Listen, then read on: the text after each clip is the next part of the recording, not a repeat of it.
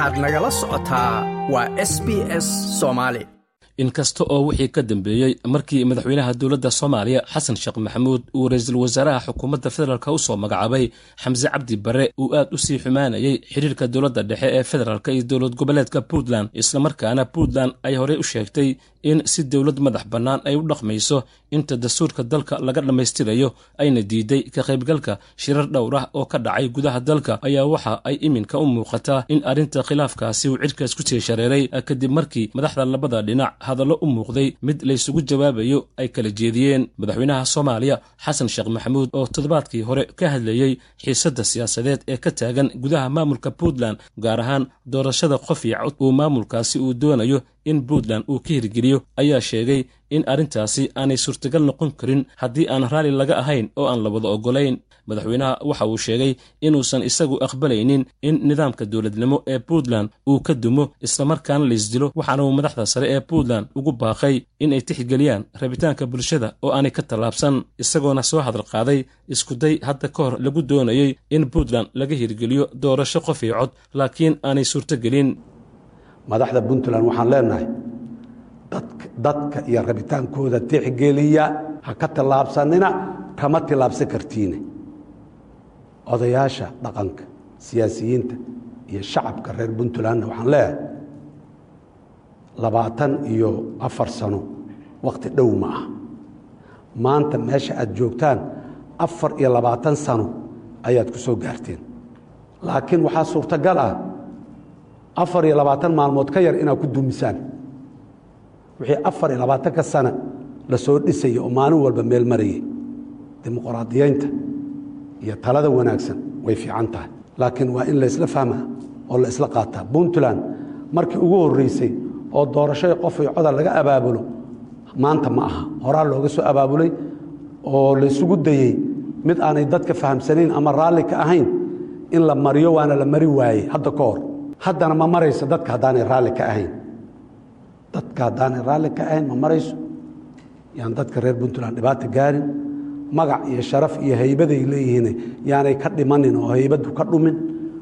Oo dad aan muxuu ah waxba garanna isdilayo aanay u ekaanin. Siyaasiyiintaan leeh ka jooga ha yeelinina. Maamulkaan leeh talada haya maanta ka jooga ha yeelinina dhankiisii ra'iisul wasaaraha xukuumadda federaalk ee soomaaliya xamse cabdi barre oo goob fagaaraha ka hadlayey ayaa waxa uu madaxda puntland ku eedeeyey in aanay doonaynin wada shaqayn ay la yeeshaan dowladda dhexe. Ra'iisul wasaaraha waxa uu sheegay in puntland aysan dowladnimada soomaaliya meeshii laga filayey aanay ka taagnayn islamarkaana caqabad ay ku tahay in qaranka soomaaliyeed iyo dalkaba laga cafiyo lacag ilaa iyo shan bilyan oo dollar waxaana uu madaxda sare ee puntland uu ku eedeeyey inay is-hortaag ku sameeyeen ilaa iyo afar boqol oo macallimiin oo la doonayey inay ka shaqeeyaan waxbarashada puntland iyo sidoo kale in deegaanadaasi laga soo qoro askarta dowladda federaalk ee soomaaliya ka mid noqonaysa. Waxaa jira waxyaabo yaryar oo u baahan oo shuruud u ah wada shaqaynta dowladda federaalka iyo isteydyada wasaaradahooda maaliyadda dhammaan inta kale wasaaradaha maaliyaddu way wada shaqeeyaan marka laga reebo puntland haddii in cafiskii ay kaabiga inoo taagan yahay oo bisha sagaalaad ama tobnaad ama koob iyo tobnaad ee sanadkan ay tahay deynta dadka soomaaliyeed shan bilyan ka badan oo culays deymeeda oo dul saaraa adduunyada aan tuugayno naga cafinayso. Ka warrama wada shaqayn yar oo shir la isugu yimaado oo dowladda puntland la waayay hadday u fashilanta ka warramo. Yaa mas'uul ka noqonaya shacabka puntland mas'uul kama noqonayaan. Maamulkaa mas'uul ka noqonaya. Arrintaasi hadday dhacdo waxay noqon doontaa arrin taariikhda gasho taariikh madow ah bay noqonaysaa waxaan rabaa oon ugu yeerayaa dowladda puntland iyo madaxdeeda walaalayaal arrimaha dayn cafisku siyaasad ma aha. Siyaasadda ka saara. La shaqeeya dowladda federaalka. ah aynu iska dulqaadno dayntaas. Ceebtaas ha soo jiidina. Calaf la'aantaasna ha u soo jiidina ummadda soomaaliyeed. Wixii aan soo samayno oo dhanna tacab khasaar ha ka dhigina. Shacabka reer puntland waxaan rabaa inay taas ogaadaan arrintaasaa jirta.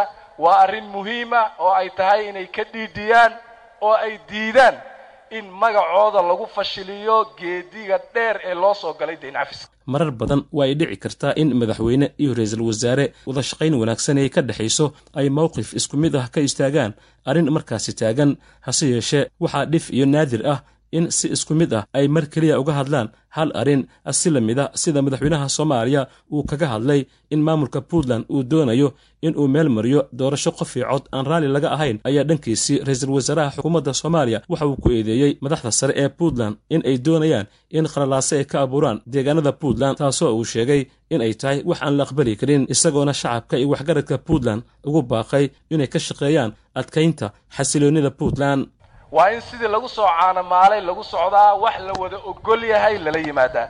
Haddii la guurayo oo meeshii laga guurayo waa in la isku waafaqsan yahay. Waa in dadku isla ogol yihiin. Waan soo dhawaynaynaa hadday dadku isla ogolaadaan laakiin waxaan la isla ogolayn maya. Wax keenaya dagaal maya.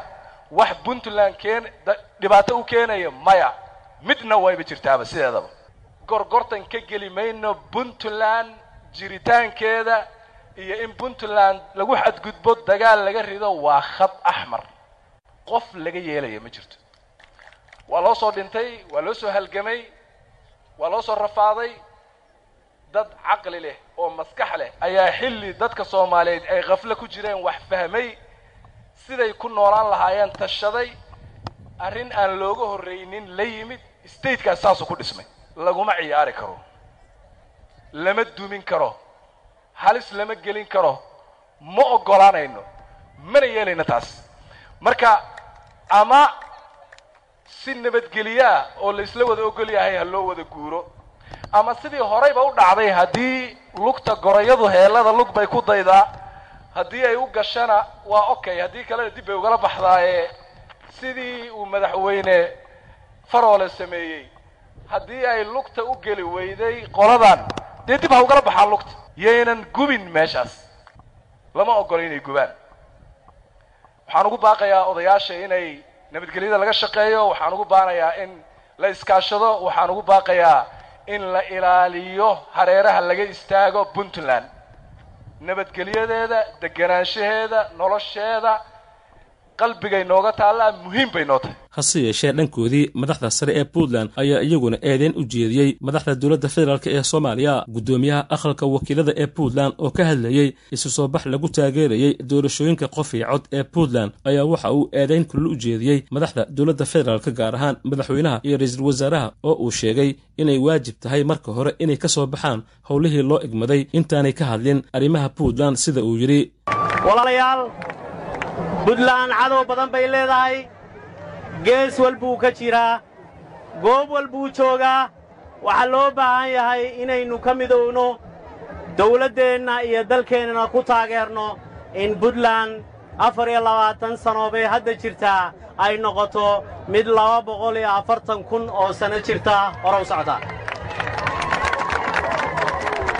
Waxaan ka xumahay madaxda dawladda federaalka inay dhaawacayso barnaamijka dimuqraadiyadda ee buntland ka hana qaaday.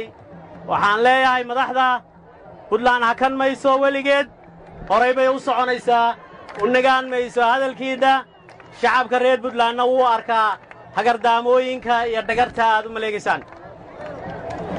Ra'iisul wasaare xamse waxaan leeyahay buntland nabad baa ka jirta.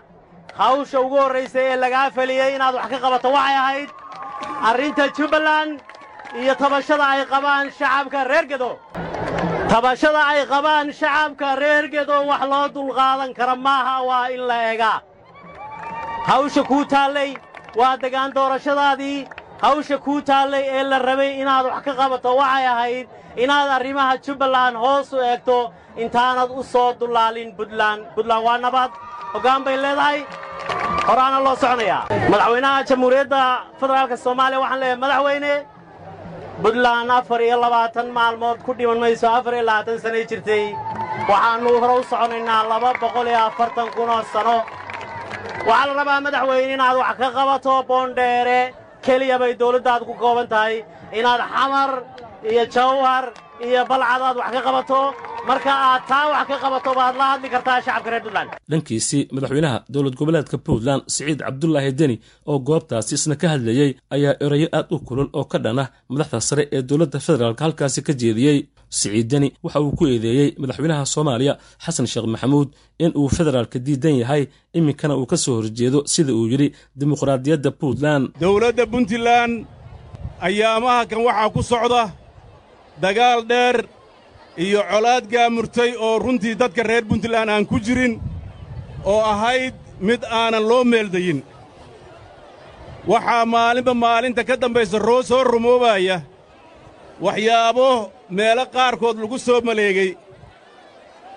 Shirkii saddex geesoodka ahaa ee laascaano lagu burburiyey ee haddana la rabo puntland in lagu burburiyo farriimihiisii waanna soo gaareen sawdiyaaru ma nihin difaaca dadkayaga sawdiyaaru ma nihin difaaca dadkayaga dimuqraadiyada inaan difaacna diyaar muu tihiin. Ciddii ku gardarroota inaan iska dhicna diyaar muu tihiin.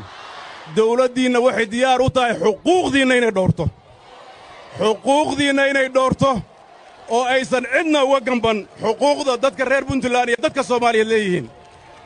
Waxaa maanta caddaatay madaxweynaha iyo ra'iisul wasaaruhu waxay iska daba raaceen inay dimuqraadiyadda diiddan yihiin oo ay la dagaalamayaan. Ma beeninnaa hadalladoodii waxaa ku jira laba kun iyo saddex iyo tobankiina waa la fashiliyey haddana ma dhacayso waxay caddeeyeen maalintaasna iyagu inay diiddanaayeen oo madaxweyne xasan sheekh baa madaxweynaha maantana inuu diiddan yahay. Federaalkaan diidmadeeda ku ogayne dimuqraadiyadiinna waa ku darsaday. Miyaynu ka aqbalnaa miyaynu ka aqbalnaa? Cidna uga ka aqbalin mayno xuquuqda dastuurkana siiyey ooaan xaqa u leennahay si kastaba ma aha wax ku cusub dhegaha bulshada soomaaliyeed in mar weliba khilaaf uu ka dhex dhasho dowladda dhexe iyo dowlad goboleedyada qaarkood iyadoona horay dowladihii dalka soo maray kadib burburkii dowladdii dhexe islamarkaana nidaamka federaalka uu qaatay dalka soomaaliya sidanoo kale uu u ragaadiyey khilaafyo soo jiitamayey waxaana xeeldheerayaasha u dhuundaloola siyaasadda dalku ay sheegayaan in haddii arrintani aan xal loo helin dowladda federaalka uu hogaamiyo xasan sheekh maxamuud oo iminka sanad jirsatay ay ku adkaan doonto sii dhaqaajinta howlaha horyaala oo ay ugu horayso dib u heshiisiinta xal u helidda xiisadda laascaanood arrinta somalilan dagaalka al-shabaab iyo abuurista ilo dhaqaale maadaama dhaqaalaha dalka uu ku xidhan yahay kaalmada beesha caalamku ay siiso soomaaliya. Like aas la wadaag wax ka dheh lana soco barta facebooka ee sb s